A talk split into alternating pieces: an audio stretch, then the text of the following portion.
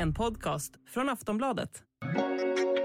Var det rätt av Rosengård att sparka René Schleges? Vad tycker experterna om eh, strategin när det gäller valet av ny tränare och vad kan vi vänta oss av regerande mästarna i Skånederbyt? Dessutom, eh, hur kan Djurgården slå både Häcken och Rosengård? Borde Vittsjö lägga konstgräs? Och hur går det egentligen med 5 plus? Ja, som vanligt fullt ös i Sportbladets podd om damfotboll som görs i samarbete med Viaplay. Så vad väntar vi på? Nu sparkar vi igång!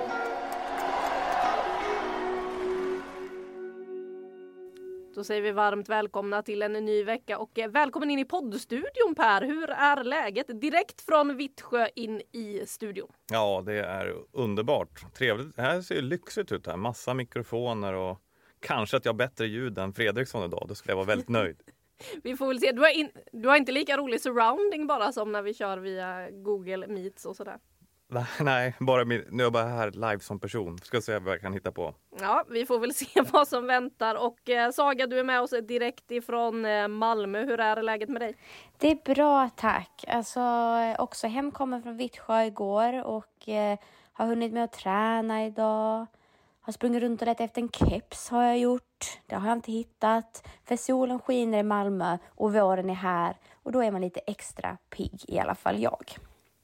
Det är man ju och eh, jag kan ju tillägga att eh, solen skiner väldigt mycket i Stockholm också faktiskt. Eh, det är vår även här. Men du tränar, låter härligt. Hur går det med foten? Ja, men det är just det. det. Det är fortfarande en bit kvar innan jag kan härja på planen, men att just bara kunna ta sig till gymmet, det, det gör mycket för hjärnan åtminstone. Så lite överkropp fick det bli och lite cykel och sånt där som man, ja, får göra när man inte riktigt kan springa fullt ännu. Men det går på rätt håll, det gör det skönt. Jag är ju belagd med träningsförbud på grund av den här förbannade nacken. Så att jag är otroligt avundsjuk på alla som eh, får röra på sig just nu. Men eh, ja, nog om det och väldigt mycket mer om veckans snackis. För det är där vi börjar den här veckan eh, och ja, alla kan väl lista ut vad som är veckans snackis, nämligen det faktum att FC Rosengård, de regerande mästarna, väljer att sparka René Schlegers efter tre matcher, en inspelad poäng. Per, är rätt eller fel? Ja, men jag, vill, jag tycker att det är fel. Eh, på något sätt måste det vara ett misslyckande, eh, både ett fel och ett misslyckande. Det går tre matcher, man sparkar sin huvudtränare som har dubbla SM-guld, även om hon fick det första fick hon ta över med ett bra läge. Eh, jag kan inte tänka mig att en tränare blir så pass mycket sämre än tidigare. Däremot så kan det som alltid finnas massa saker inte vi känner till. Det är en tydlig signal att det är något som inte stämmer. Det är ett enormt tryck på att träna Rosengård. Det är mästarnas, det är svenska mästarnas mästare på något sätt och bästa SM-guld. Men att det, det, går, det går väldigt, väldigt snabbt tycker jag. Vad säger du Saga, hur reagerar du? Nej men eh, egentligen för kontra lite till Per för att jag tänker ändå så att om, om det är i det skedet att de inte ser en annan utväg än att dra det här kortet, då är ju precis som Per inne på att det kanske ligger mer där till eller att de inte ser en annan utväg. För jag har väldigt svårt att se att det bara handlar om senaste resultaten. Så att vad är alternativet? Hur länge skulle de ha dratt ut då? För där vill jag ändå argumentera för att för båda parter så, skulle, så känns det rimligt att om man inte ser en annan utväg än att behöva agera så här abrupt så, så tänker jag någonstans att det är nu man ska göra det för att det här är fortfarande ett lag som ska spela många matcher i ligan och det är eh, eh, vad heter det, även Champions League längre fram.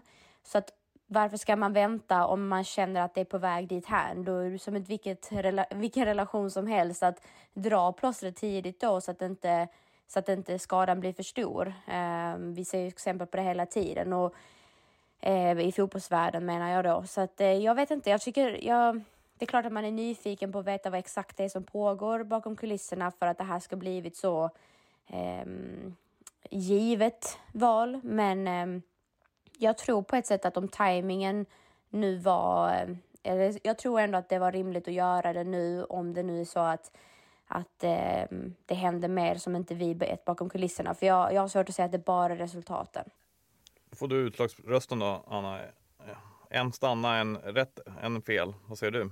Jag eh, är väl då den tråkiga och ligger lite mitt emellan men lutar mer åt att det är rätt att låta henne gå nu för att det man har sett av FC Rosengård är alldeles för dåligt. Någonting måste hända och de har varit väldigt tydliga själva med att det är någonting som är fel. Vi kan inte riktigt sätta fingret på det och så som de uppträdde till exempel i matchen mot Djurgården när det blir att eh, spelarna spelar mer för sig själva än som för ett lag. Det kollektiva funkar inte, man sitter inte ihop. Det blir väldigt, väldigt tydligt i den matchen.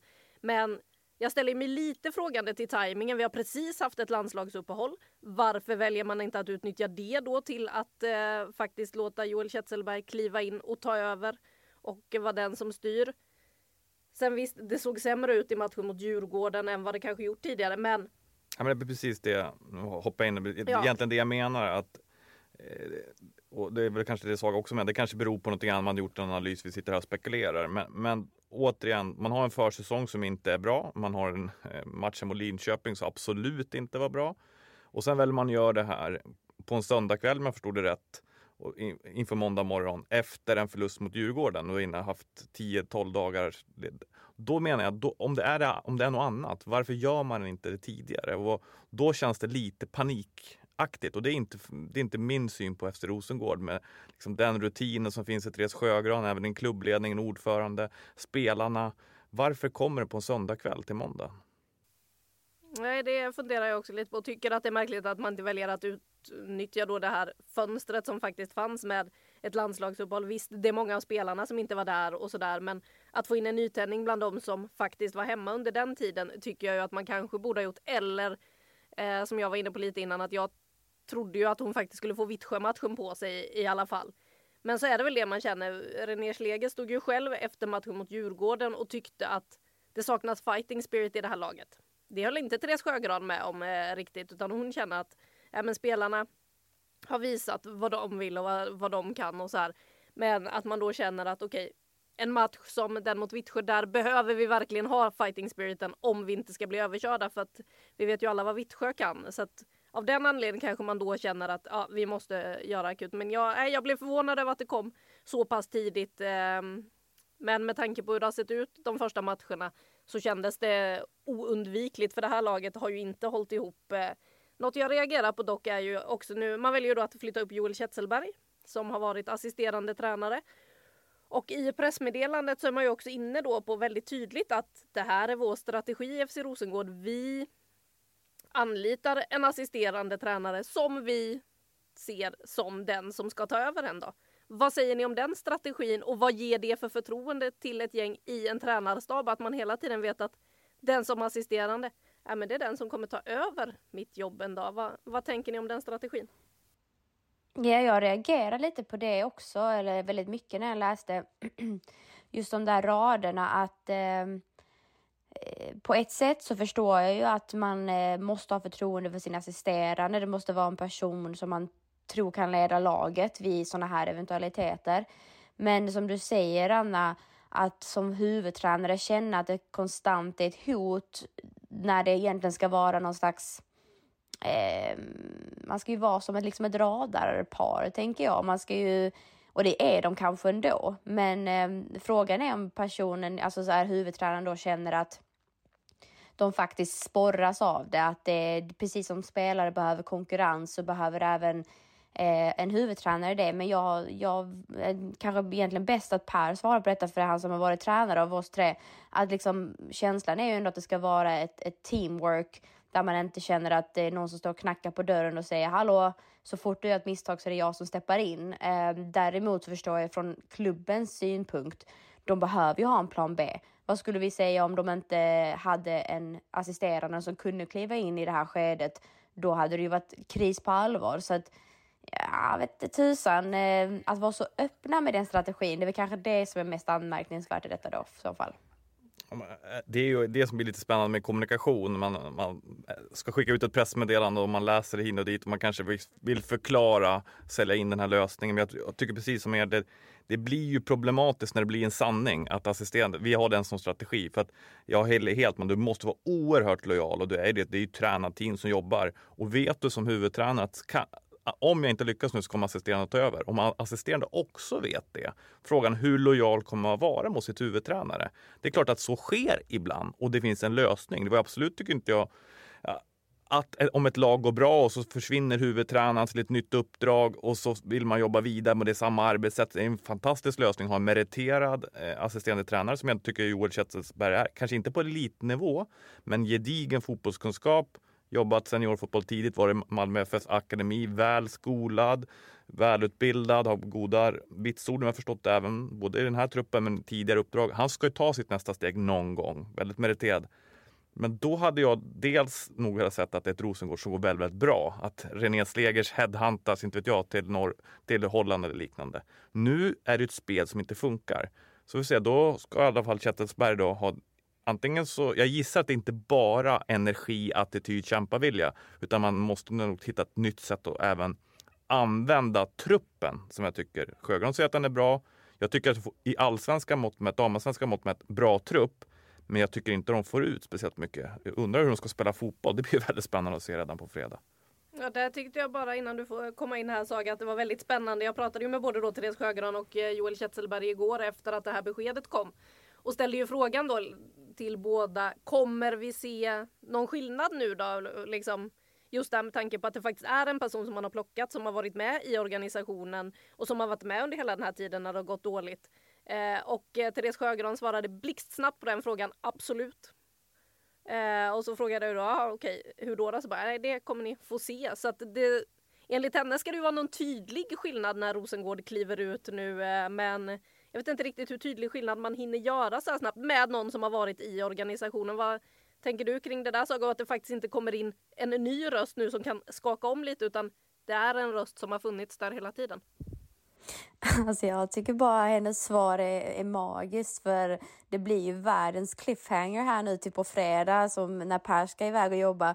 Så jag blir ju extra taggad på den matchen men Eh, först och främst så tänker jag så här att när man gör en drastisk förändring i en trupp eh, som spelare själv så vet man ju om att nu ska man in och bevisa sig igen. Alltså det blir en nytändning oavsett om du vill eller ej. Det kanske är bara temporärt men den eh, lilla glöden som kan komma från en förändring håller sig över nu till nästa match. Låt säga att de gör en bra prestation, då får de momentum och så har de fått den här kuggarna att börja rulla. Så att samtidigt så, så vette tusan alltså vilka förändringar som kan ske. Däremot så precis som, som Per är inne på så är Joel, vet jag om, en väldigt skicklig tränare. Så att jag har väl en känsla av att han har saker som han vill implementera ehm, för han har sin syn på fotboll så att eh, det ska bli spännande att följa om inte annat. Sen är det svårt att säga om nu vilket resultat det kommer ge och, och hur snabbt det kommer vara eh, en stor förändring om man nu eh, utgår från vad Therese Sjögran eh, står och säger. men den där dramatiska förändringen, den, alltså jag sitter med popcorn här nu och bara väntar på vad det ska vara för någonting. Men det, det, tycker jag däremot, om man ska ge lite liksom, ros i, i, i, kommunikationen, det tycker jag är nödvändigt. Att, att, att även Therese Sjögran inte säger det, att man, vi ska bara fortsätta på samma arbetssätt, vi byter tränare, ny röst, så ska man förändra det. Hon har då insett kanske sjukdomsproblematiken här, att det är mycket som behöver göras annorlunda. Och att, att man kan ändra ett arbetssätt från en vecka till en annan, det kan man ju. Man kan bara bestämma att spela fotboll på ett sätt. Men hur ska få alla fatta och utföra det maximalt i en av liksom, toppligorna i Europa, det är betydligt svårare. Så det håller med. Eh, popcorn blir man kan få chips till kanske också då. Ja, vi, får se. vi kan väl ta, lyssna också på eh, vad Joel Kjetzelberg själv då säger om den här matchen som nu då väntar på fredag. För nu blir det ju rakt in i hetluften. Det är ett Skånederby mot Vittsjö som väntar och eh, ja, det här är vad eh, Kjetzelberg väntar sig då. Eh, jag tror inte det blir den snyggaste fotbollen som spelas varken eh, alltså, från vår eller deras sida, för det brukar det inte bli. Vittsjö tillåter sällan det eh, i sina matcher och jag tror att och vi behöver vara starkare i båda, vara starka, eller vara starka i båda straffområdena, för tydligen så har vi ju släppt in mer mål än vad motståndarna har, än vad vi har gjort på motståndarna. Så vi behöver vara bra i båda straffområdena och, och Vittsjö är bra i båda straffområdena så det kommer bli en, det kommer bli en, en fight där ute. Vad vill du se rent konkret från ditt lag förutom att ni ska vara bra då i båda straffområdena? Nej, men att vi, att vi är, tydliga, att vi ser, ser ut som vi vet det kan, att vi gör saker där ute eh, tillsammans med, och, att vi, och att vi ser ut som ett lag i allting vi gör där ute. Eh, I alla situationer, i med och motgång. Det tror jag är extremt viktigt för oss just nu. Mm. Fysiskt spel eh, tror han på, inget eh, skönlir från eh, Rosengårds sida. Nej, eh, det, det, är ju, det är ju ett sätt att det handlar inte så mycket om taktiska moment och, och spelmönster utan det kan man ju jobba med. Man kan kanske hitta positioner. För det tycker jag, tänkte lite redan mot Djurgården där att de har ju ändå många bra spelare. Trillar bollen ner sig och Olivia Skog nära straffområdet. Nästan alla spelare där är ju skickliga avslutare, skickliga individuellt. Spelar kanske lite rakare, ser till att vinna lite dueller, positionera sig, få för det. Och då brukar ett lag som har bättre spelartrupp än annan kunna vinna fotbollsmatcher. Så det skulle jag kunna gissa är första draget de gör. Saga, vad säger du om värvningarna som har gjorts det senaste? Vi var ju inne på det när vi gick igenom eh, Rosengård som lag här för någon vecka sedan. Men vad säger det om att en sån som Karin Lundin till exempel som liksom är in, värvad som striker ändå blir inbytt så pass sent i en så viktig match som eh, den mot Djurgården när man faktiskt jagar det där reduceringsmålet och ett kvitteringsmål? För mig är Karin Lundin en boxspelare. Eh, hon är en tydlig forward på det, det sättet. Hon går i djupled och kan absolut möta bollen, men det är inte en spelare som, ska, som jag anser ska ha mycket boll på fötterna, utan ett tillslag i boxen för att sen träffa mål. Eh, problematiken, eller inte problematiken, men snarare titta på hur Rosengård bedriver fotboll. Det är inte den typen av spel som alltid passar Karin Lundin, utan de vill gärna komma runt på kanterna eller med en cutback och så vidare, men det är nästan alltid en, en nia som har varit det, mm, så att säga, de kommer ner i banan och vill ha boll på fötterna och vara med i uppspelsfasen. Så det blir inte det här jättemycket inläggsspelet eller det raka spelet, utan kanske är det så att det är precis det, den drastiska förändringen vi kommer att se. För att om vi nu bara tar en snabb kik in på, på Djurgårdsmatchen mellan då Djurgården och Rosengård så säger ju faktiskt Emma Berglund det till, i våra intervjuer eh, efteråt att eh, ja, men titta bara så bra det gick när vi Caroline fick komma in. Eh, nu missquotar jag henne totalt, men det är liksom andemeningen är densamma. Eh, vi fick in lite bollar mycket rakare och mycket tidigare och hon fick jobba ihop dem. Hon fick liksom ta ner den här bollen, se till att det kom en andra våg eller en, en skarvning som Olivia Skog kom in på i andra läget.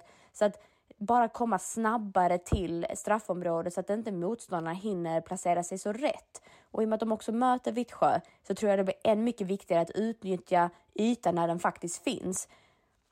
Så det är väl också anledningen till att jag tror att hon har hamnat i skymundan för hon har inte använts på det sättet eller hon, hon passar inte riktigt in i hur, hur Rosengård alltid vill spela och då kan jag förstå att man hellre har Emilia Larsson som får komma in i den positionen eller att Loretta Kolashi har fått göra det för att då har hon nog varit en extra eh, tiki-taka-spelare, en kombinationsspelare ska jag säga snarare.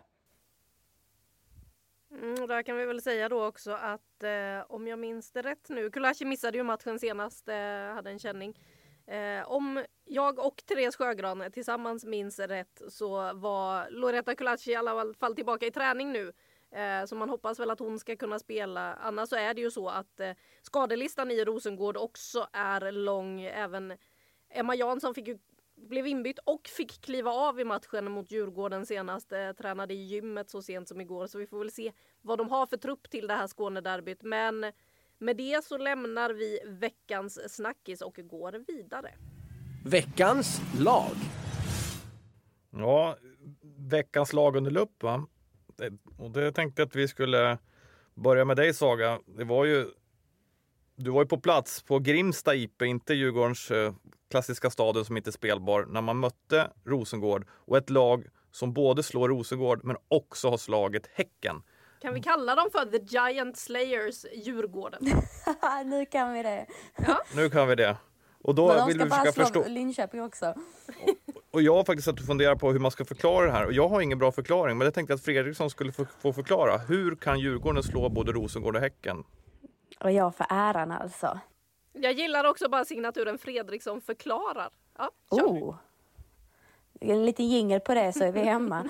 Ehm, nej men det här eh, tycker jag, det som har varit mest påtagligt, eh, att spela defensiv fotboll, eh, en 5-3-2, det är inte nytt på marknaden. Det är, det är många lag som gör exakt så mot storlagen. Men att att kunna orka hålla fokus över längre tid och inte stressa upp sig när bollen väl kommer till eget straffområde. Alltså är det någonting som jag verkligen tycker utmärker Djurgården det här året, det är, det är jättetydlig utveckling. Det är spelare som inte blir panikslagna när bollen dimper ner på deras fötter. Och om du ska spela så djupt försvarsspel och så kompakt som de har varit, då krävs det givetvis att du orkar eh, förflytta dig. Mycket i sidled och mycket upp i press, ner i ficka igen och stänga ihop det. Men att när väl bollen kommer, även om inte det mynnar ut i någonting extremt positivt offensivt, så är det spelare som tar ett tillslag till för att dra på sig lite press. Det är också det att när man ligger så lågt ner så behöver man tillåta sina medspelare att komma upp i banan och att bara ta en paus med bollen. Eh, jag tycker Matilda Plan stod ut i det många gånger. Även Kullberg hade stunder där de tar två tillslag och då får de upp sitt mittfält några meter och sen levererar passningen. Så har man tvingat Rosengård till att agera i försvarsspel även om de är på sin eh, Rosengårds offensiva planhalva. Um, så att de har lyckats bra för de har köpt in på den identiteten de behöver ha i de här matcherna. Jag tycker de har svårare när de ska bedriva anfallsspel under längre perioder. Det är fortfarande en nyckel som de måste knäcka och det är inte så att vi ser ett Djurgården som kanske kommer springa igenom tabellen.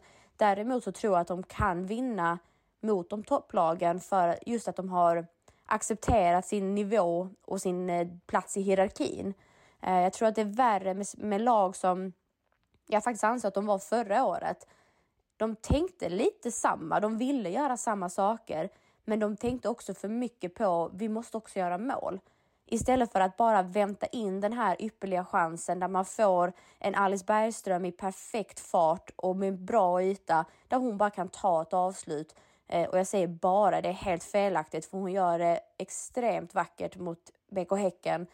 Men det, det är det som är skillnaden i år tror jag. Lugnet med bollen, förstå sin roll i vissa matcher och eh, ett lag som är mer hopspelta nu, som orkar mer. Fyra saker alltså. Ja, intressant. Och det, man tänker att de slår ändå Rosengård med, med Lindahl, eh, knäskada som numera ska opereras och Boache som man börjar bygga om tre. De är inte med. Alltså, de defensiva pjäserna ändå, ja, de släpper in ett mål på slutet, de höll ju nollan. Det är ju en liksom, enorm trygghet och jag tycker du målar det bra, men när du pratar där så, och jag tittar på det igen så undrar jag inte ändå just den här formationen också, när man träffar rätt med sin formation. Att de, Paulsen pratade många gånger förra året att han vill spela en fembackslinje. Då tyckte han inte han kunde göra det för Boace var borta. Nu har han valt att göra det och jag tycker framförallt kanske wingbacksen eh, i Alice Bergström som är väldigt bra offensivt men också defensivt. Men även Ebba Hed eh, tycker jag har blommat ut. Gör en jättebra match mot Rosengård. Att hon passar väldigt bra som en, som en wingback i det spelet. Så det känns som en enorm trygghet på något sätt. Sen har vi de här tre på mitten. Men för mig är, är det verkligen deras sätt att stänga till motståndarnas målchanser. Jag är imponerad av framförallt försvarsspelet. Och de har ju gjort det här väldigt bra nu då mot Rosengård och Häcken. Eh, tittar man i tabellen så är det ju då sex poäng de har efter tre spelade omgångar. Istället så går man då och förlorar mot KIF Örebro. Var har vi Djurgården?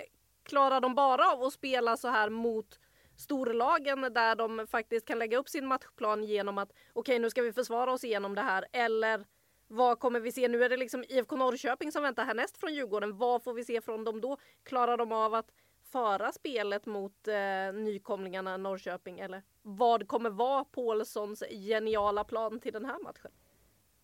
Ja, det är en bra fråga. Eh, nej, men jag, när det kommer till första delen av den frågan um, vad vi kommer se eller vad, vad vi kan förvänta oss av Djurgården så tror jag fortfarande att det är svårt att säga för att jag tycker inte att ännu att de har kanske bevisat att de hanterar båda delar.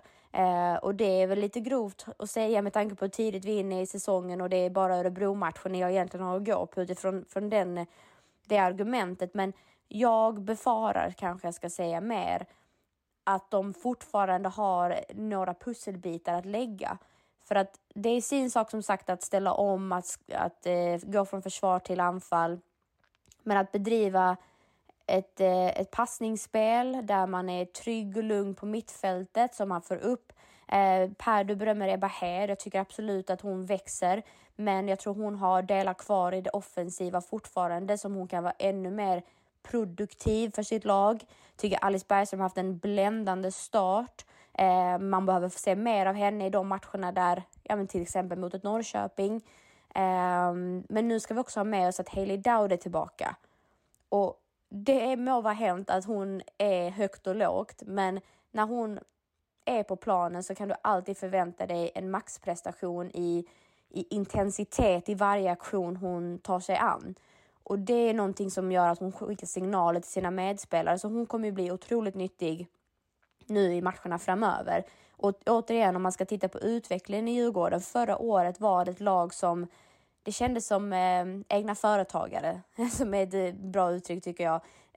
Spelare som bara ifrån egen hjärna sprang runt och tänkte hur ska jag lösa situationen? Det börjar likna allt mer ett lag som förstår sina roller ute på planen. Och, och, det är väl det som är nästa kliv för dem. Kan de då göra det mot ja, men ett Norrköping, ett Örebro längre fram och så vidare eh, och vara mer dominanta? Det återstår att se. Ja, jag håller med. Det är, det är svårbedömt. Det var svårbedömt man ska tippa dem inför säsongen. Eh, det känns som, eh, inte att de skulle slå både Rosengård och Häck, det, det är imponerande. Ingenting kan ta från dem det. Hur ska, de har pratat själva om övre halvan, till och med topp 6 för att tro ett mål. Det har jag, än tycker jag det är kvar, trots att man slagit två lag så tycker jag det, det är kvar att bevisa. Det finns potential i laget. Det gäller också de här spelarna som är, om man säger medelålders för fel men inte de här unga talanger, inte de här, sånt som Nelly Lilja, Tome Alkvist, att de liksom fortsätter utvecklas och ta steg. Tove Alkvist var ju en landslagsspelare innan hon fick den större skadan. De behöver kliva fram. Daud, jätteviktigt, håller med om Saga. Då får de ett, en spelare som kan göra mål på egen hand. Så att, men den stora ändå frågetecken är ju nu att faktiskt Hedvig Lindahl är borta och man har Elvira Björklund som målvakt och egentligen ingen till riktigt, riktigt vass målvakt. Det kan och brukar skapa poängtapp.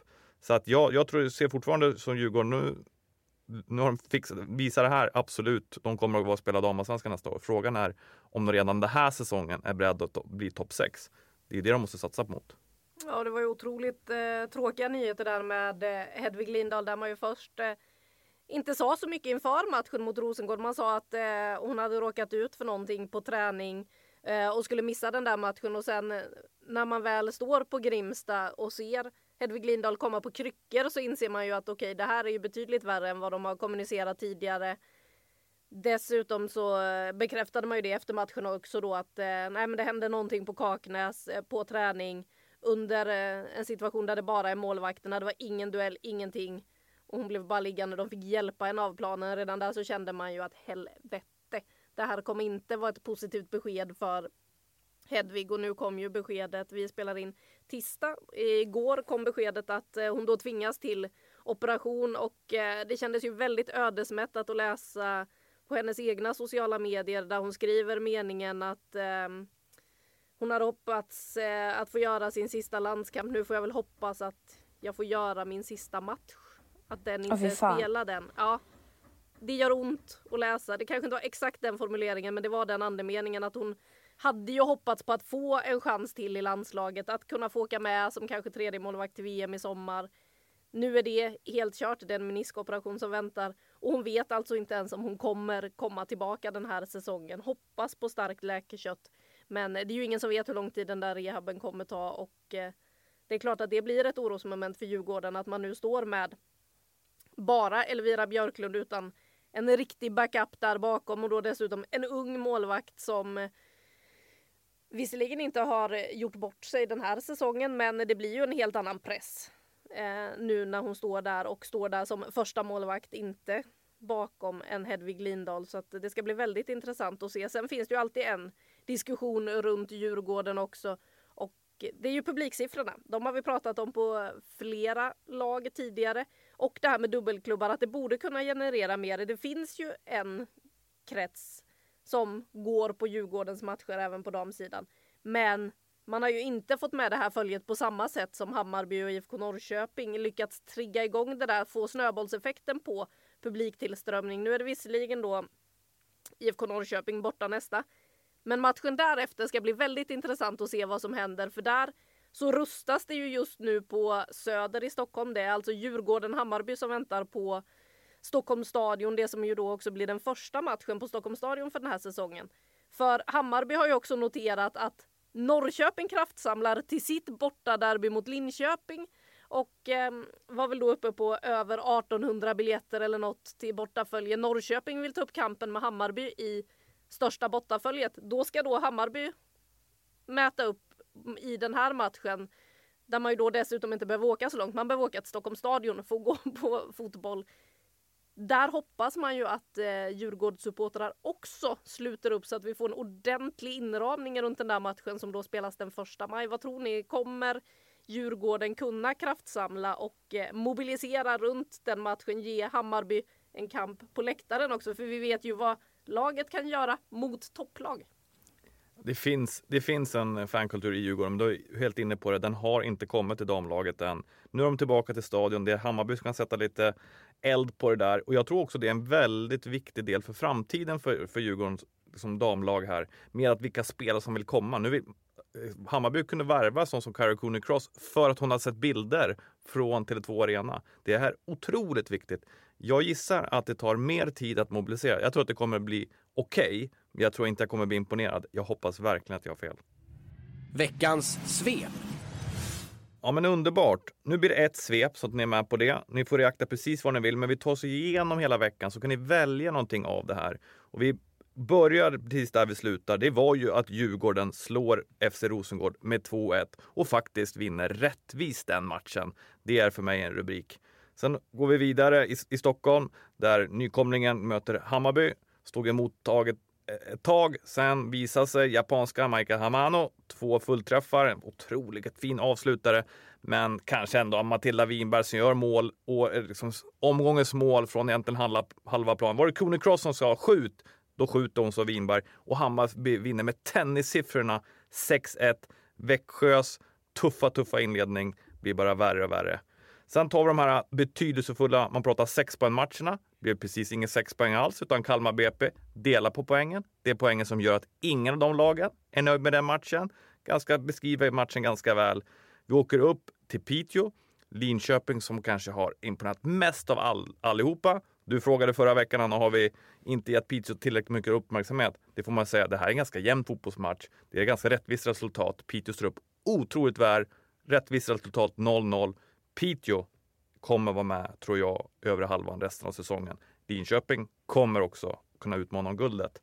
Och sen då Kristianstad som studsar tillbaka efter att förlora mot Piteå och väldigt enkelt med en hattrickskydd i Evelie Vienne. Och vilka mål hon gör på helt olika sätt. Det är vriskskott, det är runda målvakter och det är lite klackar. Det är oerhört klass i den och enkel seger.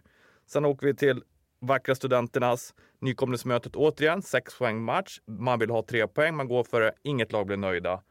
Rättvist resultat 2-2. Norrköping imponerade inte lika mycket tycker jag som tidigare. Uppsala har gjort läxan från tidigare år. Frågan är, är de tillräckligt skickliga för att också få tre poäng? Och sen då igår kväll direkt från Hässleholm kommer jag där den där gräsmattan som var studsig, kanske mer studsig än vad vi sa. Det var en kamp där ute. Häcken kämpade för att försöka få ut honom, fick inte det. Till slut så gör man det. Då, återigen, det är laget som har bäst spelare. Vittsjö orkar inte stå, stå emot.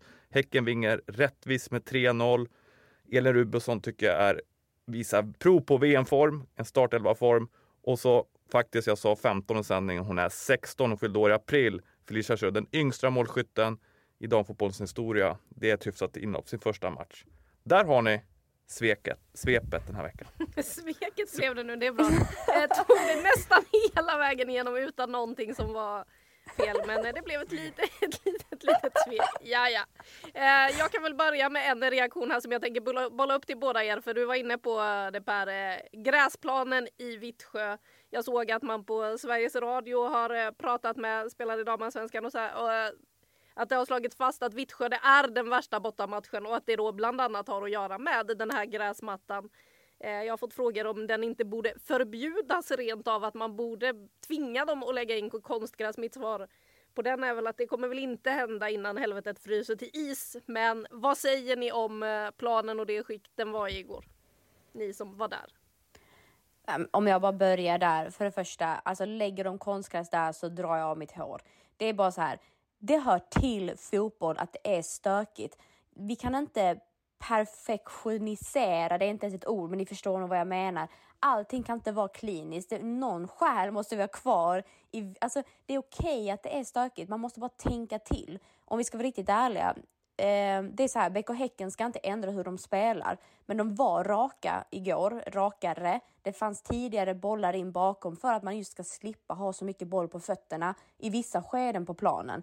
Och det är helt okej. Okay. Det handlar om att anpassa sig. Precis som att Djurgården anpassar sig mot storlag så anpassar sig kanske ett BK Häcken som gärna vill bedriva fotboll på banan. Men det är ju liksom charmen i fotboll.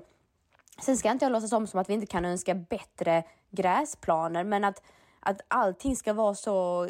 Eller jag tycker i alla fall inte det. Jag kan ju inte tala för nationen direkt, men jag tycker inte att man alltså, ska ta bort en plan bara för att den är studsig. Den är stökig, absolut, men deal with it. Så tänker jag i alla fall.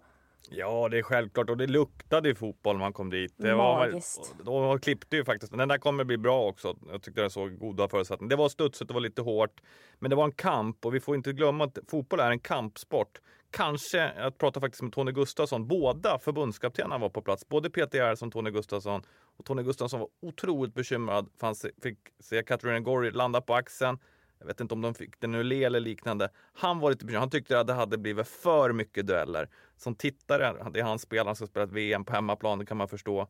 Som ändå att se kampen, att det handlar om duellerna, att gå in rejält först, så gillade jag det lite grann i det. Och det gör ju att vi får se de matcherna. Precis som man får hantera motståndare får man hantera planer. Och tittar man ändå på de mest kanske rutinerade spelarna som, som Elin Rubensson, tycker inte såg ut som att hade något problem alls. Hon tar en första touch, flyttar bollen och så levererar hon andra passningen. Så att ehm, ja, det var, det var kamp och, och inte så mycket skönspel.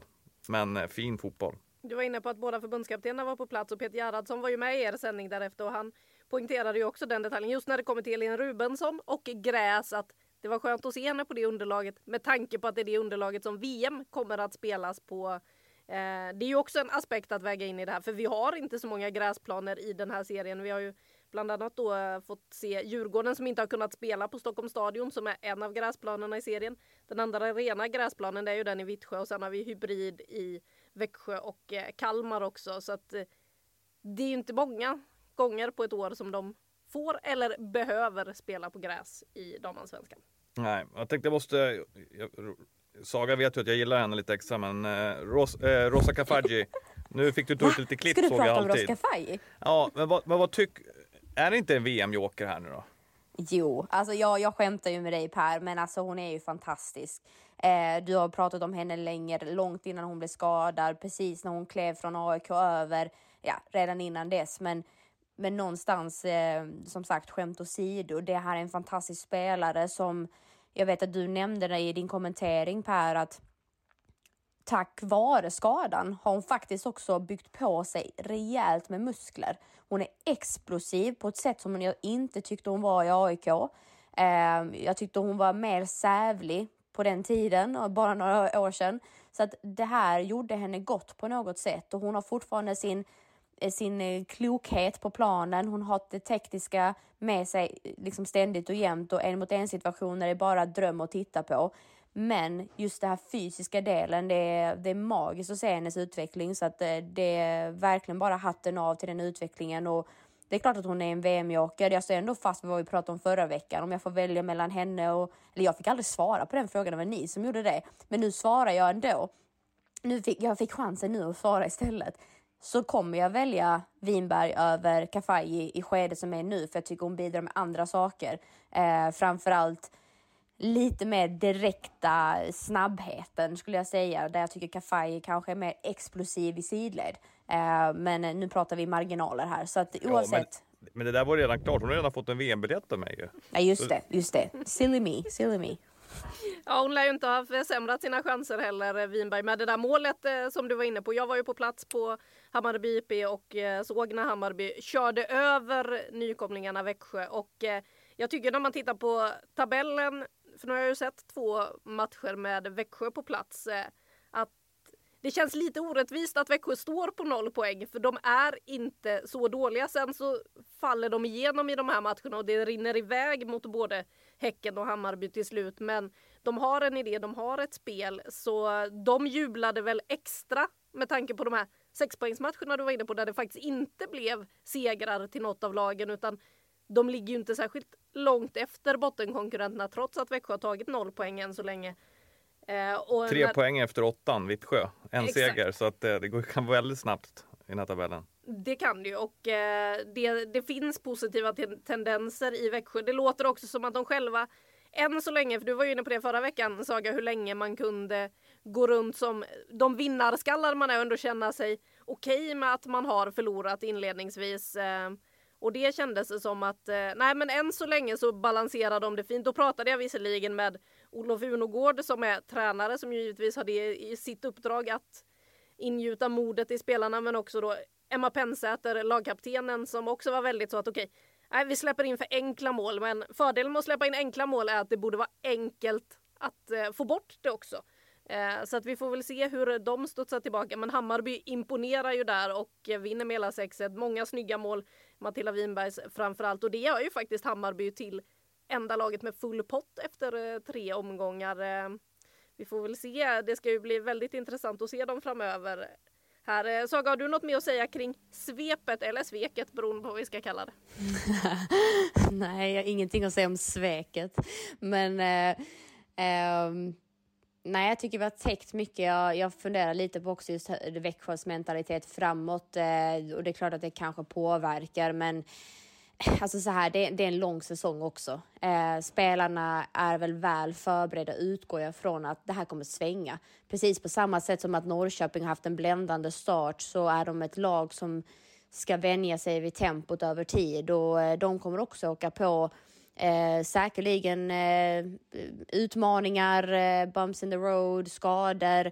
Då gäller det att kunna hantera det. Så att med det sagt så, så tror jag att eh, det, det, är klart att vi, vi eh, får ju fördel, vad säger vi, har ju lyxen att eh, liksom spekulera fritt och, och, eh, och dra paralleller höger och vänster. Men, men det är alltid intressant när man kan över två, tre säsonger jämföra utveckling. Då är det mycket lättare tycker jag att säga så, ah, men typ eh, låt säga, ja men vi tar Djurgården igen bara för att det är vårt lag under lupp här. Deras utveckling är så påtaglig. Eh, då är det nästan tryggare att säga, ja men vi kan nog ändå säga att mot de här och de här motståndarna så bör de matchbilden se ut på ett visst sätt. Men med nykomlingarna, eh, även om Växjö är en, en återvändare, så är det ju ett lag som ska vänja sig med den här truppen de är i nu. Så att det det är väl lite där man får lite is i magen utifrån också, att inte dra för stora växlar. Men det är klart att jag tror att det påverkar dem att inte ha en enda poäng med sig, höll jag på att säga. Det för det har de. Väl, jag håller med. Det blir väldigt viktigt kommande omgång, om vi ska bara liksom avsluta med det, att Växjö har ju faktiskt Örebro på hemmaplan. Den, skulle det bli en förlust där, då tror jag att det blir riktigt, inte så att det blir kört, men då blir det bli riktigt jobbigt. Blir det en vinst åt andra sidan, ja, då ser det ju riktigt bra ut. Så att, sen har ju Fredriksson tagit fram popcornen för att se Rosengårds nya spel på fredagen. Och sen har vi ändå, på tal om liksom toppmöte Linköping-Hammarby. Hammarby har imponerat mycket. Jag tror det var någon här som tippade dem som eh, guldmedaljörer inför.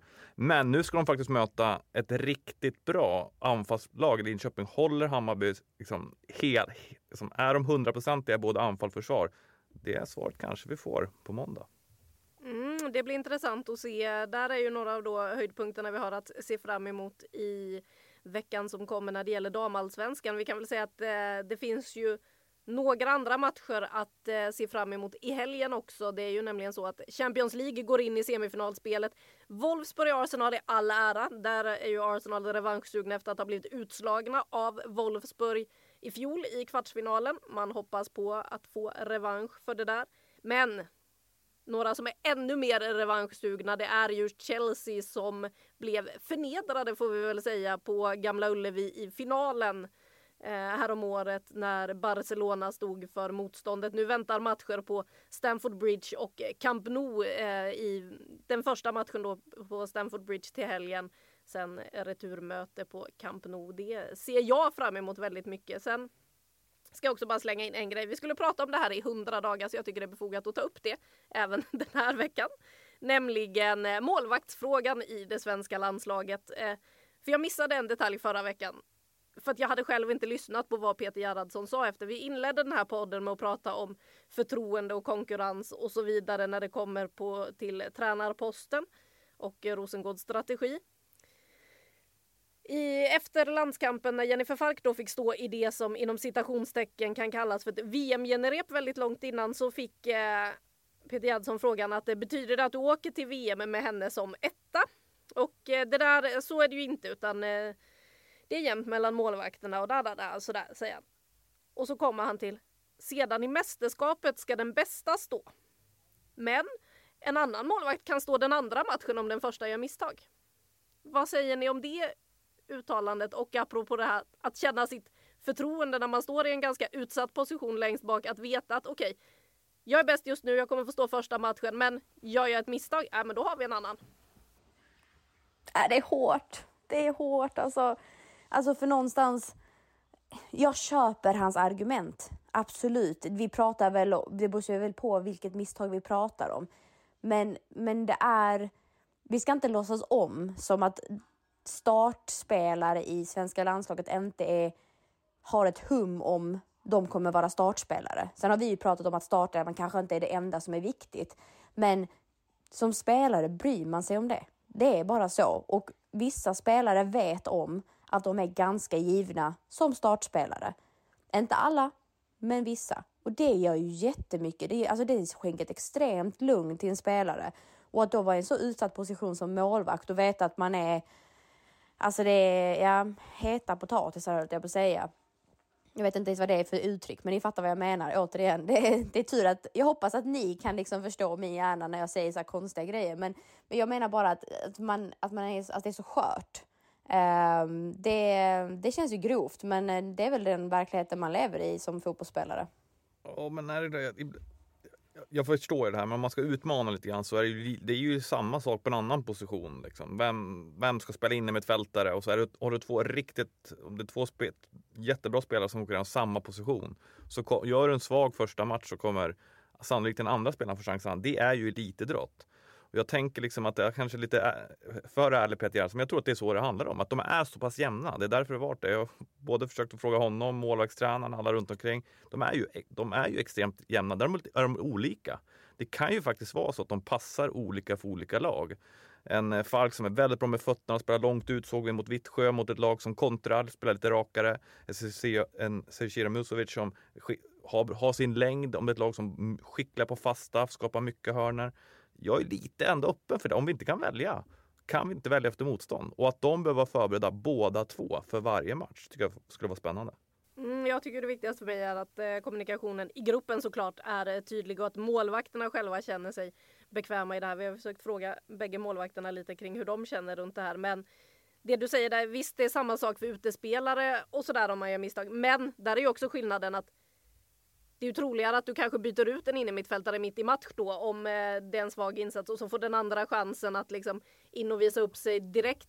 Du gör ju inte det målvaktbytet i en match. Nej det gör du inte och gör du ett misstag som målvakt så kanske du åker ur ett, eh, en VM-turnering, en åttondelsfinal. Så det är klart, det är inte att likställa. Det är en skillnad. Men jag gillar på något sätt att båda ska vara förberedda. Jag fick också träffa dem här i Göteborg och, och Falk var, var, mer diplomatisk och, och så medan Zecira Musovic frågade när skulle du vilja få beskedet? Ja, igår. Det är en ganska skön kommentar. Ja, det står tålamod i min panna tror jag det var hon sa till oss nere i Malmö inför eh, första matchen där apropå hur länge hon har varit andra målvakt och eh, kämpat vidare där. Eh, så att ja, vi får väl se. Vi ska prata om det här i hundra dagar. Nu är det väl lite mindre kvar till den där VM-premiären, men ja, vi ska väl ladda för helgen som kommer nu. Ja, det måste vi göra. Poppa popcorn och sådär. Saga är redan i full gång tror jag nere i Malmö. Det är klart att jag är. Jag måste ju preppa rejält så att jag har liksom flera lager av popcorn så jag bara kan sitta och njuta av när Per kommenterar matchen Rosengård-Vittsjö. Mm. Först ut alltså på fredag har vi den att se fram emot. Med det så stänger vi ner eh, den här podden för den här veckan. Vi är givetvis tillbaka som vanligt nästa vecka och tackar så hemskt mycket för att du har lyssnat den här veckan. Men en sak till. Fem plus. Just det, fem plus. Varför ska jag alltid glömma det? Ja, Per, det känns som att du har en fem plus i bakfickan. Såklart jag har. Nej, men jag har inte det. frågan är ju om vi inte då slänger jag in 5 plus. Vi har snackat om snygga mål och vi har bara nämnt henne i förbifarten egentligen. Sättet hon kan göra olika sorters mål på men också sättet hon punkterade genom att göra sitt hattrick med en klack. Evelyn Wien förtjänar givetvis 5 plus efter insatsen borta mot KIF Örebro. Det är solklart. Hon är Bra, Anna. fruktansvärt bra just nu. Där räddade vi upp den och då säger vi tack och hej för den här veckan. Tack och bock. Tack så mycket.